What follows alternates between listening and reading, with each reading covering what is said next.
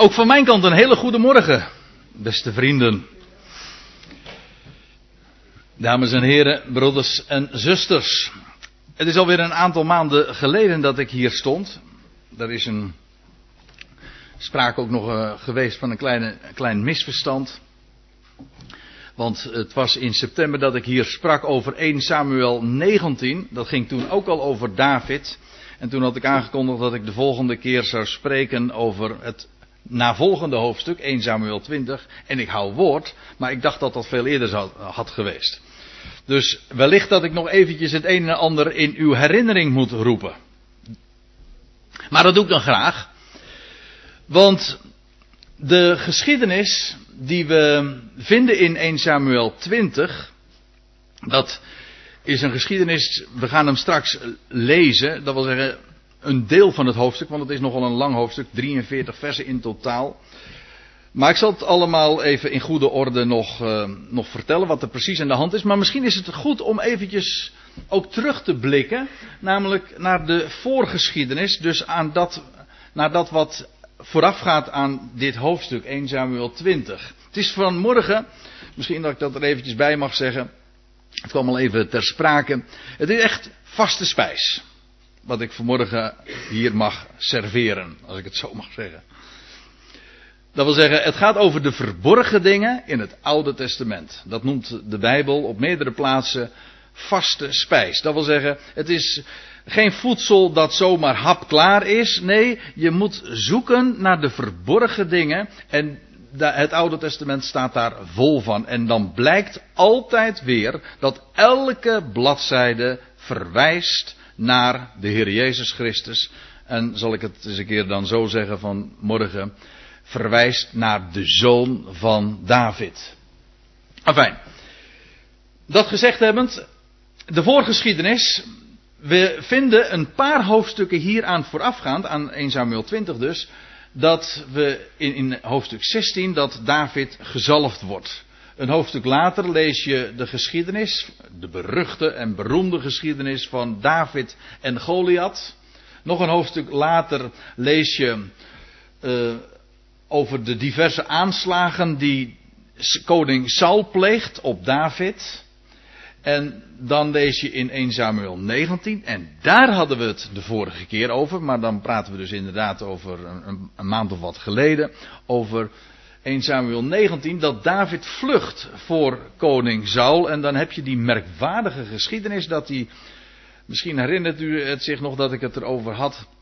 Als u hier tenminste bij was dat David vlucht uit het venster en dat zijn vrouw Michal, dat was de dochter van koning Saul trouwens, dan een pop uh, legt in het bed en de, zo ook uh, het uh, koning Saul misleidt. En dan lees je ook nog de geschiedenis daarop dat, dat David vertrekt naar Najot, dat betekent rust, dat ligt bij Rama en dat hij daar bij konings, nee dat hij bij de profeet Samuel arriveert. En wie daar ook komt, en ook koning Saul die hem achtervolgt, ze worden bevangen door de geest van God en ze gaan profeteren. Nou, daar hebben we, over, dat, over deze laatste geschiedenis hebben we het dus al een keer gehad. Maar ik wil u ook meteen al eventjes in de stemming brengen door, door te laten zien waar het allemaal van spreekt. Kijk, de geschiedenis van David in al zijn onderdelen. En het is een hele uitgebreide geschiedenis zoals we die in de Bijbel aantreffen. In het boek Samuel, maar we vinden het ook nog in andere boeken terug. Het verwijst altijd in al zijn details naar de zoon van David. Hij die uit de plaats Bethlehem kwam, het broodhuis. En als ik het zo zeg, zeker in de decembermaand, dan moet dat ook wel tot de verbeelding spreken. Niet waar? dat de Heer Jezus geboren werd in de stad Bethlehem, in de stad van David. En hij is, vervol, hij is gezalfd, dat wil zeggen, gemaakt tot de Christus. Het Hebreeuwse woord voor gezalfde, dat is Mashiach. En daar komt ons woordje Messias, maar ook het, het Griekse woord Christus vandaan, betekent de gezalfde. Hij, de zoon van David, hij is de gezalfde. Bovendien, hij is ook degene die de, de, de grote vijand heeft verslagen, of zal ik het nog anders zeggen, de kop vermorseld van de tegenstander. En als ik het zo zeg, dan dan is de associatie met die geschiedenis van Goliath ligt eigenlijk zo voor het oprapen. Want wat lees je? Dat David doet met een steentje, dat vijfde steentje, weet u nog? Treft hij het, de grote reus Goliath in het hoofd, in, in, het oog. En de grote reus viel om, Romme de Bom, denk ik dan. Ja. Zo ging het toch, hè? En dan hakt hij, ja, dat is niet zo'n uh, frisse geschiedenis, maar dan, hakt hij de kop van Goliath eraf. En wat doet hij dan? Dan neemt hij hem mee naar Jeruzalem. Een plaats die op dat moment nog trouwens geen, geen, geen enkele rol speelde in de Bijbelse geschiedenis. Het zou pas later zijn dat, dat, dat David, als die koning is, daar zijn, zijn zetel, zijn koningszetel ook vestigt. Maar al ver daarvoor lees je dus dat David het hoofd van Goliath meeneemt naar Jeruzalem. Ja, en daar had je een hoofdschedelplaats. Nou ja, afijn. Dan lees je dat hij, daar gaat dan hoofdstuk 19 over, hij wordt vervolgd door Saulus. Ja, wordt vervolgd. Dat is lekker dubbelzinnig. Dit is eigenlijk ook wordt vervolgd. David wordt vervolgd. Dat is deze geschiedenis waar we het vandaag over hebben. Ik ga gewoon verder. Maar David wordt vervolgd door Saul. Maar Saul is een type van Saulus die we in het Nieuwe Testament tegenkomen. De man van het, die het, het Jodendom, het oude verbond representeerde. Hij die zo een verklaarde tegenstander was van de zoon van David. En dat hij op een gegeven ogenblik in zijn nekvel gegrepen werd. En dat hij te horen kreeg, de zoon van David vanuit de hemel. En dat hij te horen kreeg, Saul, Saul, dezelfde naam. Ze kwamen trouwens ook allebei uit de stam van Benjamin. Heel eigenaardig genoeg. In elk geval, hij kreeg te horen vanuit de hemel: Saul, Saul, wat vervolg jij mij? Ja, en dan zie je ineens dat Saul gewoon een plaatje is van hem die we in het Nieuwe Testament ook tegenkomen. Als type van het Jodendom dat de zoon van David afwijst en vasthoudt aan de oude heerschappij van het oude verbond. Maar dat deed Saul ook. Nou ja. Uh, hij is uit het zicht verdwenen. Daar ging die geschiedenis dus over dat hij uit het venster verdwijnt. Zomaar weg ja, uit het zicht verdwenen. Dat is de positie van de zoon van David vandaag. Hij is de gezalfde, de overwinning is behaald, maar het duurt nog een hele tijd alvorens hij daadwerkelijk de troon in Jeruzalem zal gaan bekleden en gaan bezetten. En daar als koning zal heersen. En in die tussentijd lezen we dat hij verworpen wordt. Nou, dat die tussentijd is een plaatje van de tegenwoordige tijd waarbij de zoon van David wel de gezalfde al is, de overwinning ook behaald heeft, het ook al zeker is dat hij de koning zal worden, maar in de tussentijd is hij uit het zicht verdwenen. Waar is hij? Ja, niemand kan het zeggen. Nou, ik kan het wel zeggen. En in feite, al die geschiedenissen die we in deze hoofdstukken in Samuel tegenkomen, zijn een plaatje van de situatie die we aantreffen nu in de tegenwoordige tijd dat de zoon van David verborgen is. En op alle mogelijke manieren wordt dat geïllustreerd. Hij is uit het zicht verdwenen. Ja, en dan is hij, waar is hij? Wel, ik zei, hij was in Najot bij Rama. Maar Najot betekende rust. En Rama betekent hoge plaats. Nou, dat is toch precies waar, waar de zoon van David zich vandaag ook bevindt in rust. In de allerhoogste plaats die zich maar denken laat. Namelijk gezeten, dat is een positie van rust, gezeten, want werk is volbracht, gezeten aan de rechterhand Gods. Uit het zicht verdwenen. Een schitterend plaatje, een geweldige illustratie van de tegenwoordige tijd. Dat staat zo allemaal in het Oude Testament. Nou ja, verborgen. Ik zei al, het is vaste spijs, maar het is buitengewoon voedzaam. Dat kan ik u ook vertellen. Als je je met deze dingen gaat bezighouden, dan krijg je zo'n enorm zicht op het woord van God en ook op de rijkdom, de structuren die daarin liggen besloten. Geweldig. Geweldig. En daarom is het zo, zo heerlijk om, om zo ook met, met de schriften bezig te zijn. En Paulus heeft zich dat lees je diverse keren ook in de brieven, altijd beijverd om. Hij zegt, hij zegt tegen de Corinthiërs, hij zegt, uh, vaste spijs wilde ik u geven. Maar hij zegt, dat konden jullie nog niet verdragen. Want jullie waren nog vleeselijk, jullie waren met, allerlei andere dingen bezig. Hij zegt, ik moest jullie gewoon nog het ABC, melk geven. Hij zegt, maar het gaat er juist om dat we volwassen worden. Dat we groter worden. In hem. Ja, geestelijke groei is heel eigenaardig, want geestelijke groei betekent eigenlijk dat wij kleiner worden. Maar dat hij moet wassen. Hè? Dat hij groter wordt. Maar dat betekent ook dat je, dat je vaste spijs tot je neemt. Die verborgen dingen je eigen maakt. Goed. Nou, dan gaan we nu naar 1 Samuel 20. Dit was inleiding. En dan moet ik een heel gedeelte ga ik overslaan. Dat wil zeggen, de eerste 23 versen lees ik niet eens. Omdat dat, daar kom ik gewoon domweg niet aan toe. Maar we, ik kan het u wel even samenvatten, want die geschiedenis, daarin, daar, in die versen, daar lezen we dat David en Jonathan, Jonathan betekent van God, van de Here ontvangen. Uh, David en Jonathan die sluiten een verbond. En ze, ze, maken ook afspraken over wat ze de komende dagen zouden gaan doen. U vindt dat in die 23 versen. Even ter herinnering. Jonathan was de zoon van koning Saul. Ja? Maar, eh, en bedenk dat goed. Jonathan was feitelijk kroonprins. Hij was de zoon van de koning. Hij was dus eigenlijk de normaal gesproken in de natuurlijke lijn zou hij gewoon de toekomstige koning zijn. Hij zou degene zijn die als zijn vader afstand zou nemen van de troon of zou komen te overlijden, dan zou hij vervolgens koning worden. Maar gebeurt niet. Jonathan koos niet geen partij voor zijn vader en ging ook niet voor zijn eigen toekomst. Nee, hij ging, hij had al zijn kaarten gezet, als ik het zo mag zeggen, op David. Met wie die één van ziel was. Hij was zeer verknocht. Ze waren verknocht aan elkaar. Ze hadden elkaar zo lief. De zoon, uh, de zoon van uh, koning, ja, hij was de, de kroonprins. En ik vertelde u zojuist, al even kort, dat, dat Saul, degene die David verwerpt, een, een type is van het Jodendom, die vasthoudt aan de oude heerschappij, een vijand is van, de, van, van David, ja, en, en een type is daarmee van, uh, van het volk dat de zoon van David verwerpt. Het, het, het Jodendom.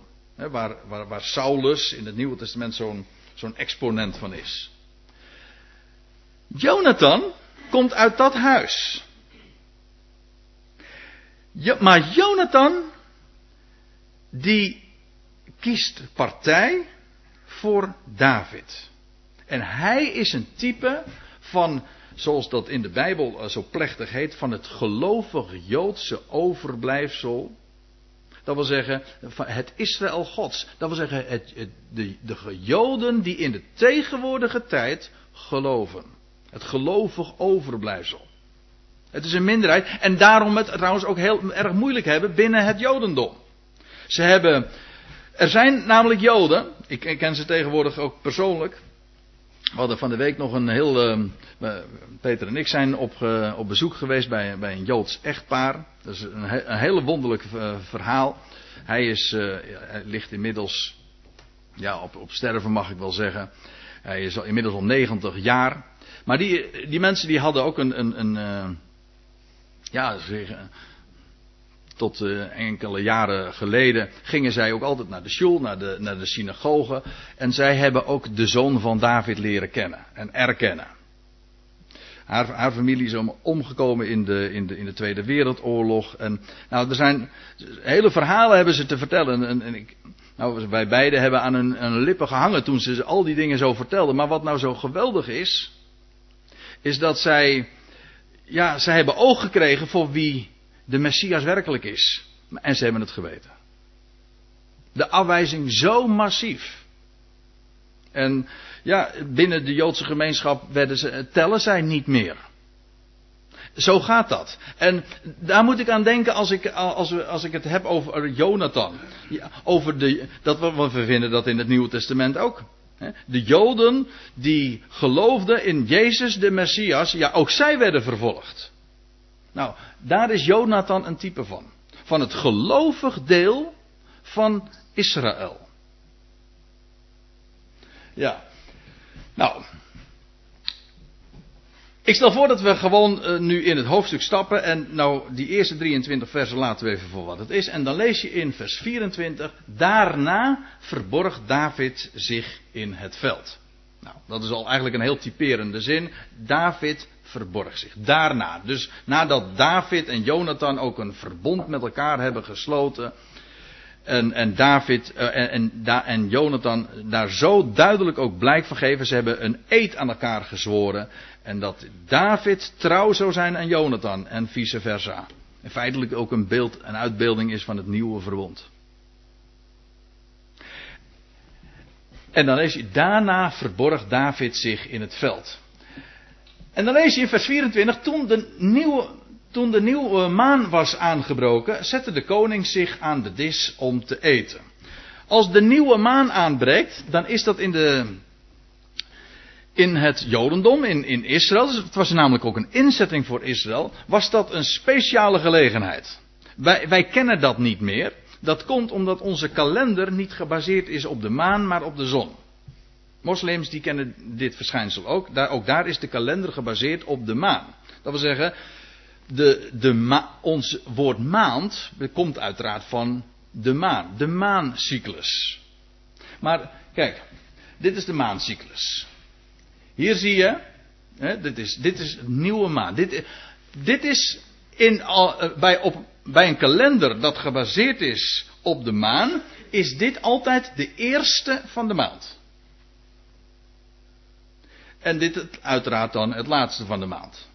Die cyclus die duurt 28 of nee, 29, zoveel dagen. Dus dat moet iedere keer weer gecorrigeerd worden. Maar dit is de maancyclus. Dit is eigenlijk dus ook een maan, een maand, een echte maand. Dus de maancyclus. De nieuwe maan werd altijd gevierd. Dat wil zeggen, als, de, als de, het licht van de maan weer begon te schijnen. Al als een hele kleine sikkel, maar dit was nieuwe maan. En dan begrijp je dat halverwege de maand, dus dat is de 14e of de 15e, officieel de 15e, is het dus al per definitie volle maan. Kijk, bij ons is dat niet meer zo. De eerste van de maand is, niet, uh, is het niet, geen nieuwe maan en halverwege de maand is het geen volle maan. Maar bij een, een kalender van, van Israël, maar ook bij een kalender van de, de moslims tegenwoordig, is dat, werkt dat op deze manier. Het is echt dus een maancyclus. Wel nu, nieuwe maan werd altijd gevierd. Dat was namelijk een, een hoogtijdag. Elke keer weer nieuwe maan, dan werd ook, dan lees je in bijvoorbeeld Psalm 81, werd de bazuin geblazen. Er was één speciale maand zelfs, de zevende maand, als bij de, op de eerste van de maand, dat heette zelfs de dag van het bazuingeschal. En als u een klein beetje vertrouwd bent met de Bijbel, dan weet je van, oh, dat heeft te maken met als de bazuin gaat klinken. Hè, bij de dag des Heren. Ja, dat klopt ook. En dat blijkt ook wel, want het is in feite een, tot, het is een nieuw begin. Het licht gaat schijnen. Een nieuwe aanvang, een nieuwe maan, een nieuwe periode. En dan moet je ook realiseren. Ja, wat een romantisch plaatje, hè? Ja, de maan heeft ook iets met romantiek. En volle maan heeft ook van oudsher de, de reputatie van uh, erg romantisch te zijn. Ook van vruchtbaarheid. Dat is trouwens e-, eigenaar, even tussendoor. Hè. Maar weet je hoe dat komt trouwens?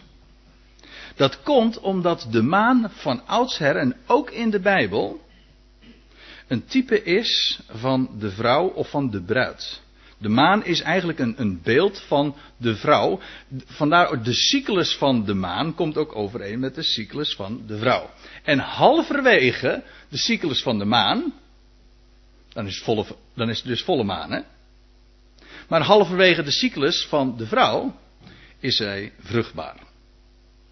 Dat is in de helft van de cyclus. En vandaar ook dat de volle maan altijd de, de associatie heeft van vruchtbaarheid. Daar, zit trouwens nog een heel verhaal aan vast. Want het is zelfs zo dat zaad, men kan het niet verklaren, maar zaad is het meest kiemkrachtig bij volle maan. Sommigen zeggen van dat is een occult verhaal, maar ik heb het door experts die helemaal geen, niet van hocus pocus houden, die heb ik het bevestigd horen, uh, horen bevestigen dat het inderdaad zo is. Men kan niet verklaren, maar kiem, zaad is het meest kiemkrachtig bij volle maan. Ja, een heel eigenaardig verhaal. Nou, ik wil het even hierbij laten. Kijk, de zon. Sorry? Wat ik nou zeg? Oh, kijk, nou, Tante Dini zegt het ook dus. Hè, Ja. Ja. Nee, absoluut niet. Toen wisten ze meer van die dingen. En, en in elk geval van, van de symboliek en de typologie die daarachter schuil gaat. En dan is het ook heel eigenaar. Want de zon, dat lees je in Psalm 19, wordt vergeleken met een bruidegom. Nou, wie zou dan de bruid zijn? Nou, dat is de, de maan, inderdaad. En daarmee, en dat, ja, sorry, dat heb je met typologie. Hè? Je komt van het een op het ander. Want de maan is een type van de vrouw, maar daarmee dus ook van Israël, want Israël is de bruid. En in feite spreekt nieuwe maan van die nieuwe periode die voor Israël aan zal breken. Een nieuw verbond, een nieuw begin. Het licht gaat schijnen. Als, de als als Israël de bruid gaat worden van de bruidegom. Ja. Nou ja.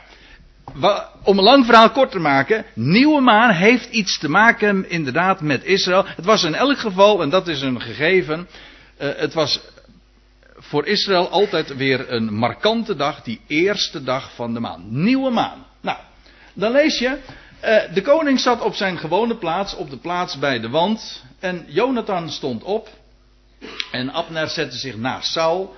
Uh, maar de plaats van David bleef ledig. Het was een, er zou een feestmaal zijn.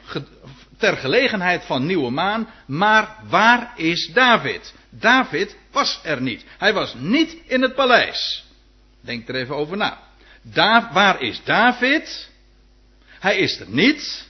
Dat wil zeggen, hij is afwezig. En hij is, bevindt zich niet in het paleis. Eh, ook een schitterend beeld van de tegenwoordige tijd. Waar is de zoon van David? Nou, niet in de plaats waar hij eigenlijk geacht wordt te zijn. In het paleis. Hij is, ja, waar is hij? Nou, daar gaat dit hoofdstuk dus onder andere ook over. Saul echter zeide er die dag niks van.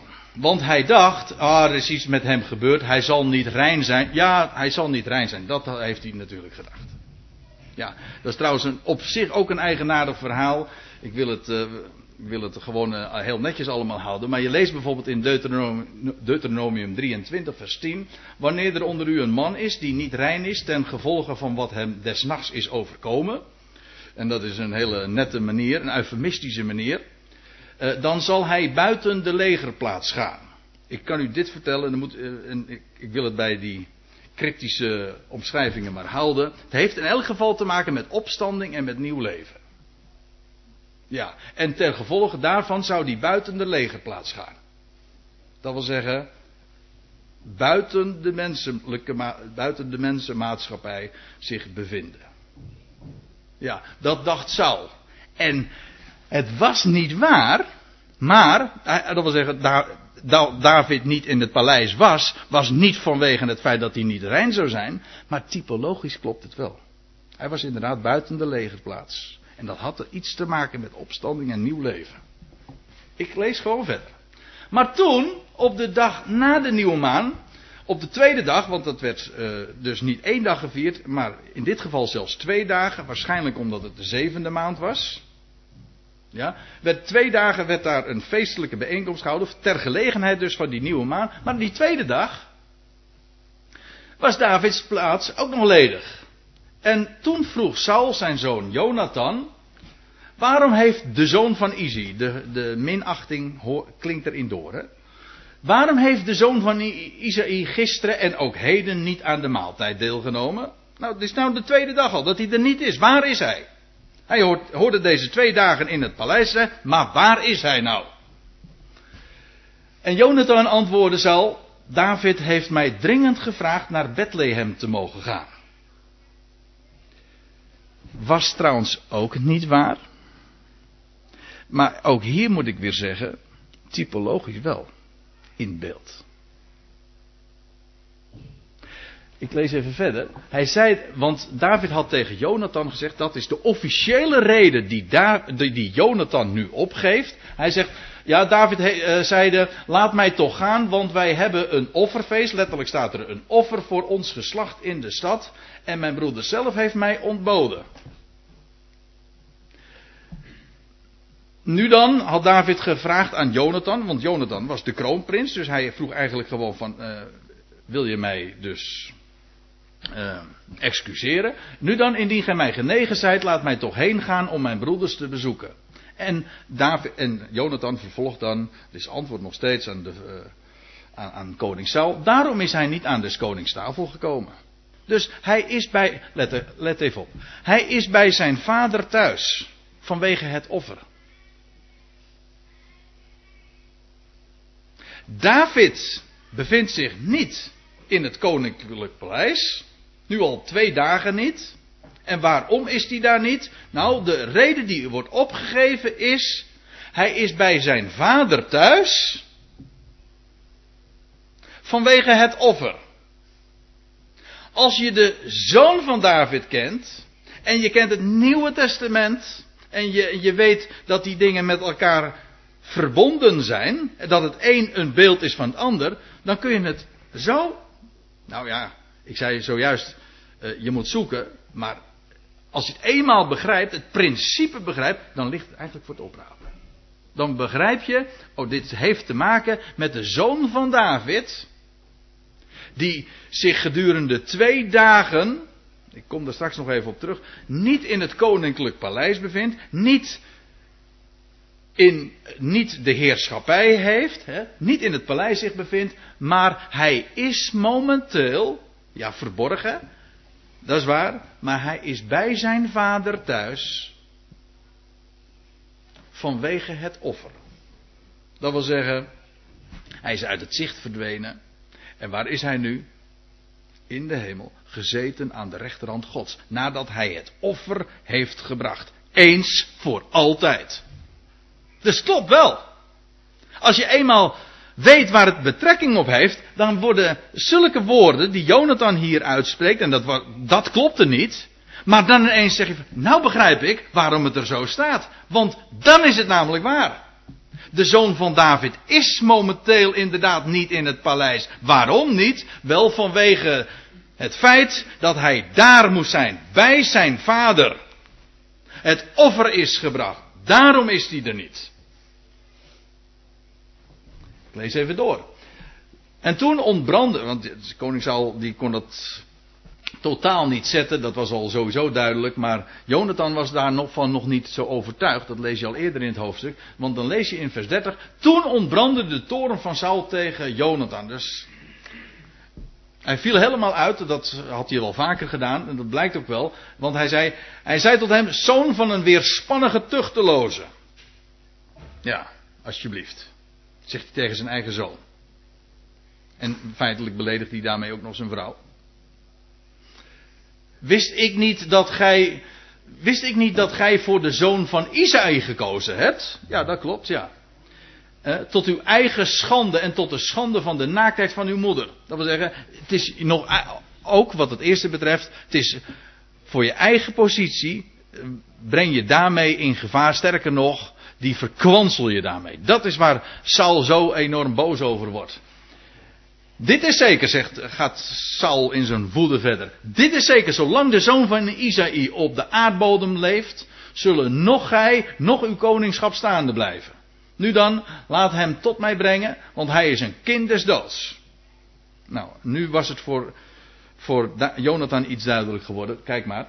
Maar Jonathan antwoordde zijn vader Saul. En hij zei tot hem: Waarom zou hij ter dood gebracht worden? Wat heeft hij gedaan? Wat had David nu fout gedaan? In al die voorgaande hoofdstukken lees je niets daarover.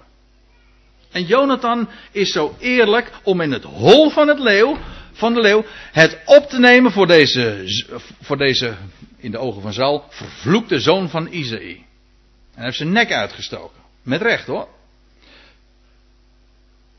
En hij heeft in eerlijkheid getuigd. Terwijl het zo gevaarlijk is van wie David was. onschuldig. En Jonathan heeft geweten dat de toekomst niet lag bij het huis van Saul, maar bij David en zijn huis. Dat zou de dynastie worden die zou zegevieren. En dan lees je vers 33, dan zie je dat het dus echt gevaarlijk was voor Jonathan om het zo voor hem op te nemen. Want er staat er, daarop wierp Saul zijn speer naar hem om hem te doden. Die ervaring had David ook al een keer of twee keer opgedaan inmiddels. Maar nu is het Sauls eigen zoon die dat, de kroonprins notabene, die dit lot treft. En toen wist Jonathan dat zijn vader vastbesloten had David ter dood te brengen. En daarom stond Jonathan van tafel op in brandende toren. En op de tweede dag van de nieuwe maan at hij helemaal niks. Dit was die tweede dag.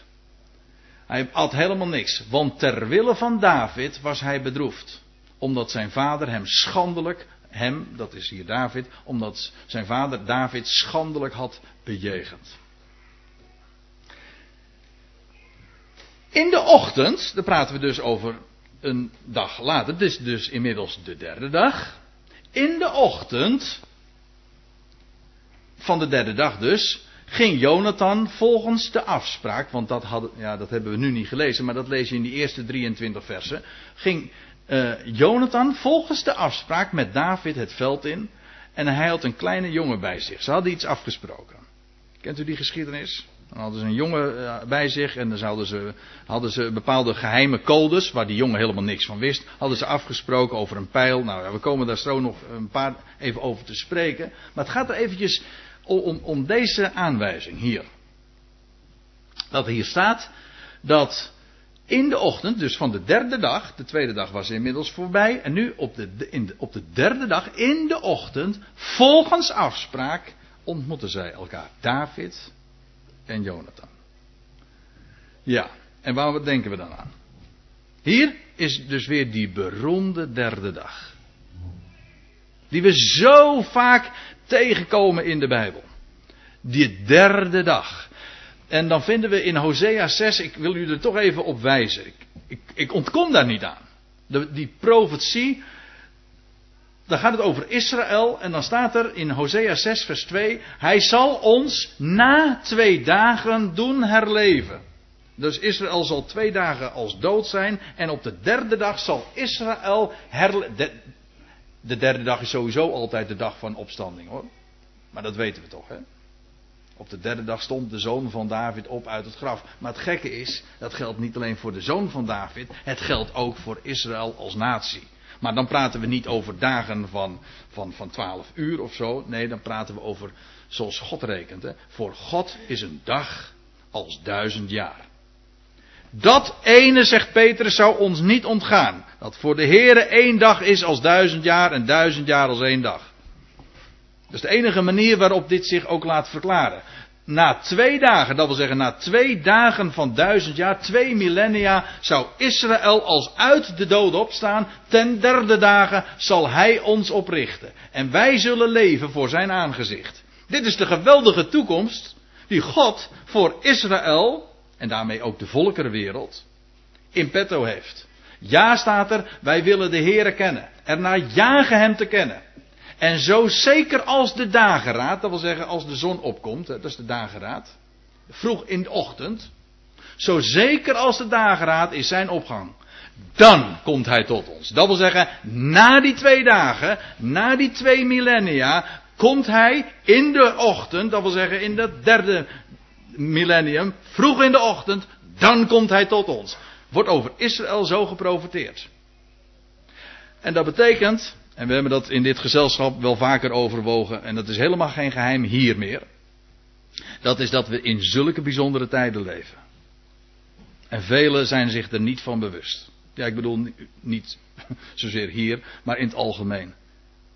Die, slaap, die zijn in slaap gezust. En die realiseren zich niet wat er momenteel aan de hand is. In wat voor profetische tijden we leven. De twee dagen van duizend jaar, lieve mensen, die loopt ten einde. En zonder nou data te noemen, maar we weten allemaal dat het niet lang meer duurt dat er twee dagen van duizend jaar voorbij zijn sinds de Heer Jezus hier deze aarde verlaten heeft. Sinds hij uit het zicht is verdwenen. Sinds hij uit het venster is verdwenen. En waar is hij? Ja, nou niet in het koninklijk paleis. Nee, hij is daar voor een paar dagen. Is hij is die er niet? Op de derde dag komt hij. Na twee dagen. Nou, dat vind je in deze geschiedenis geïllustreerd. Ik kan het niet aan de hand van 1 Samuel 20 bewijzen. Nee, maar als je eenmaal het profetisch plaatje kent. en je, je, kent de, je, je weet wat, wat de schrift elders ook gezegd. en je vergelijkt schrift met schrift. dan kan het je niet ontgaan. En dan zie je dat in 1 Samuel 20 zomaar geïllustreerd. Zoals op zoveel andere plaatsen. Dat is het wonderlijke van, van Gods woord. Het is consistent. Je ziet een, een geweldig panorama voor je ogen zich, zich voltrekken wanneer je, wanneer je al die dingen, al, al die de stukjes zeg maar van, van de puzzel bij elkaar legt, dan eens dan ontstaat er een compleet beeld van, van, van de zoon van David en alles wat, wat hem, ja, wat er in hem werkelijkheid is geworden en ook nog zal worden. Goed, ik lees even, weer even verder in die geschiedenis van 1 Samuel. Daar staat er in vers 36. En hij zeide tot de jongen, tot zijn jongen, die Jonathan meegenomen had. Loop, zoek de pijlen die ik afschiet. En nauwelijks was de jongen weggelopen, of hij schoot een pijl af over hem heen. En toen de jongen kwam bij de plek waarheen Jonathan de pijlen afgeschoten had, riep Jonathan hem na: De pijl ligt toch verder weg. En daarop riep Jonathan de jongen toe: Vlug, maak haast, blijf niet stilstaan. En toen raapte de, jongen van Jonathan de pijl op en kwam bij zijn heer. Die jongen wist helemaal nergens van. Maar Jonathan en David hadden iets afgesproken dat als ze dit zouden zeggen, als David dit zou horen van Jonathan, dan wist hij van, oh, nu moet ik uitkijken. Nou ja, ik lees het, eh, ik kan het gewoon zo voorlezen. Want in vers 39 staat er, de jongen wist van niks. Slechts Jonathan en David wisten waarom het ging. Ja, want ze hadden namelijk ook afgesproken, als ze zouden zeggen van maak haast, blijf niet staan. Hij zei dat tegen de jongen, maar als, als David dat zou horen van Jonathan, dan wist hij van oh, nou moet ik haast maken. Nu moet ik wegwezen. Maar, onderwijl gebeurt er nog iets anders.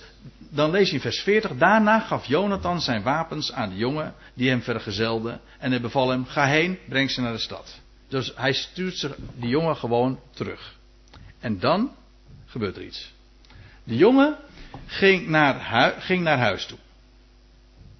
En toen kwam David aan de zuidzijde tevoorschijn. Dat wil zeggen, wat aan. Pardon. Dat is een primeurtje, dus me nog niet eerder overkomen. Zo zwaar is die ook weer niet hoor. Een beetje te enthousiast, ja. Ja, want dit, dit hadden ze niet afgesproken. Maar nu ontmoeten David en Jonathan elkaar nog een keer hier in het veld. En dan lees je, de jongen ging naar huis toe en toen kwam David aan de zuidzijde tevoorschijn. En daar wil ik toch even op wijzen. En ik, we houden weer even die profetische lijn vast. Want weet u wat er staat in het Hebreeuws? Er staat letterlijk van de Negev. Het was trouwens niet hier hoor, maar is Negev, de Negev-woestijn, dat is de, de, de, woestijn zeg maar tussen Eilat. Ik kreeg net van Ome Golf een mooi boekje. Van Eilat tot Jeruzalem. Van broeder Bootsma. Ja. Nou, dat is deze. Hier ligt, nou, hier ligt Jeruzalem. Hier ligt Eilat. En de Negev, dat is deze woestijn. Hoe precies de begrenzing is, weet ik niet. Maar Negev betekent gewoon zuiden. Dus de Negev-woestijn. David, daar in het veld, uh, die komt aan de zuidzijde tevoorschijn. Ja, maar in profetisch opzicht is dat juist des te frappanter. Want hoe zal het straks gaan? Als de twee dagen van duizend jaar voorbij zijn, dan zal de zoon van David, Jonathan, dat wil zeggen het gelovig deel van Israël, ontmoeten hier, in de Negev in het gebied, het wordt elders genoemd, van Edom. Maar dat ligt allemaal hier hoor. waar de beroemde stad, ja het is voor mij sowieso een beroemde en geweldige naam, hè, maar dat heeft nog weer andere reden, Petra. Dus de rots, dubbel S, hè, de rotsstad. Helemaal uitgehouwen uit de rotsen. Ja. Ja, anders zeg je iets anders. Daar hebben ja, dat is een plaats in de woestijn en daar gaan nog geweldige dingen gebeuren. Daar, er staat in openbaring dat God voor Israël, voor de vrouw, weet je wat, de ma, heeft hij een, een, een plaats bereid in de woestijn. Waar ze, waar ze 1260 dagen bewaard zal worden. Een onderduikadres. Maar je leest ook dat de zoon van David zich al voordat hij in Jeruzalem zal verschijnen, zich zal vervoegen bij dat gelovig deel. In gedurende de grote verdrukking. Voor Israël. In, daar in de, aan, in de zuidzijde. In, in de woestijn.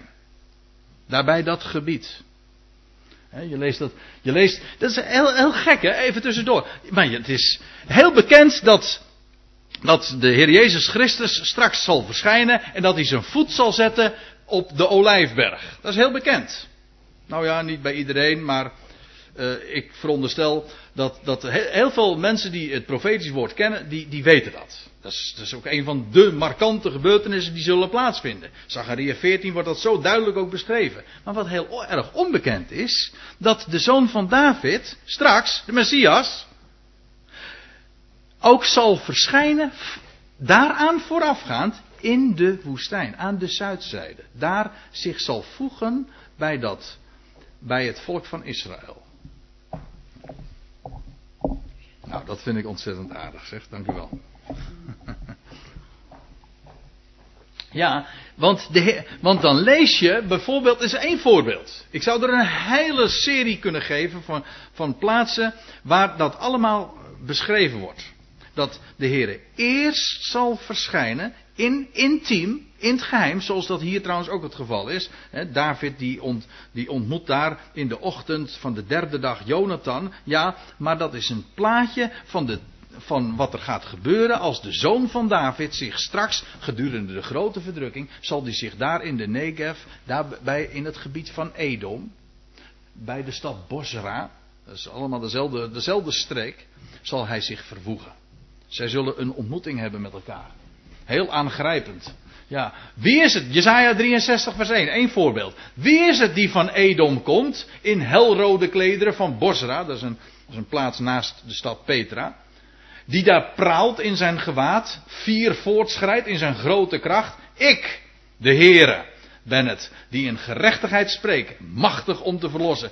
Waar komt de Heer vandaan als hij straks zal verschijnen en Israël zal gaan verlossen? Wel, dan komt hij uit de woestijn.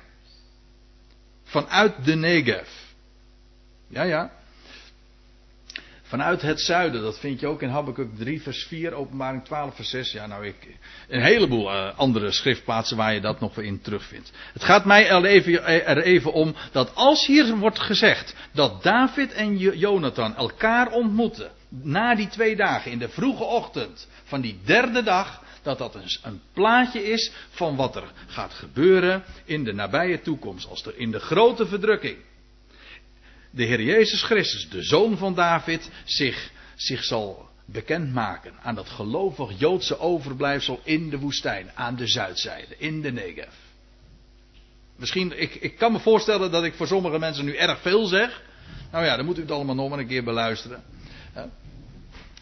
Maar daar gaat het over. Dat kan niet missen. Maar nou moet ik even verder gaan. Vers 41. En David wierp zich op zijn aangezicht ter aarde. Hij boog zich drie keer neer voor Jonathan. En dan lees je in vers 41. Ik zei zojuist al, het is heel aangrijpend die ontmoeting. Die twee hadden, zo, hadden al zoveel met elkaar. En dan lees je, ze kusten elkaar. En ze weenden met elkaar. Zoals dit, in dit plaatje dat ook aangeeft. In de Good News Bijbel vind je dat terug. Bij die steen. Bij de steen, ja ja. Petra, Sela. Het is allemaal dezelfde, dezelfde gedachte. En tenslotte lees je, dan vermande David zich. Ze hebben daar een ontmoeting met elkaar. Op die derde dag. En dan lees je, en daarna zeide Jonathan tot David, Ga in vrede, daar wij immers beide in de naam des Heren elkander gezworen hebben. De Heere zal tussen mij en u staan en tussen mij en uw nakomelingen voor altijd. Dus dat stond vast. Dat, dat verbond, die, dat die band die er was tussen David en dat gelovig deel van, nou moet ik het eh, goed zeggen, tussen de zoon van David en dat gelovig deel van Israël, dat die kan niet stuk. En de ontmoeting die zij straks zullen hebben zal zo aangrijpend zijn. Je vindt daar veel meer over in de Bijbel. Maar het wordt hier geïllustreerd. En dan lees je tenslotte in, dat is het laatste vers van het hoofdstuk. En David stond op. En er ging heen. En Jonathan begaf zich naar de stad. Nou, wat ik u zo in een, ehm, in een wat zal het zijn? Drie kwartier. Ik, inderdaad, ik, uh, moet er een punt aan, aan, achter zetten. Maar wat ik u zo in deze, in deze presentatie uh, heb willen zeggen is dit.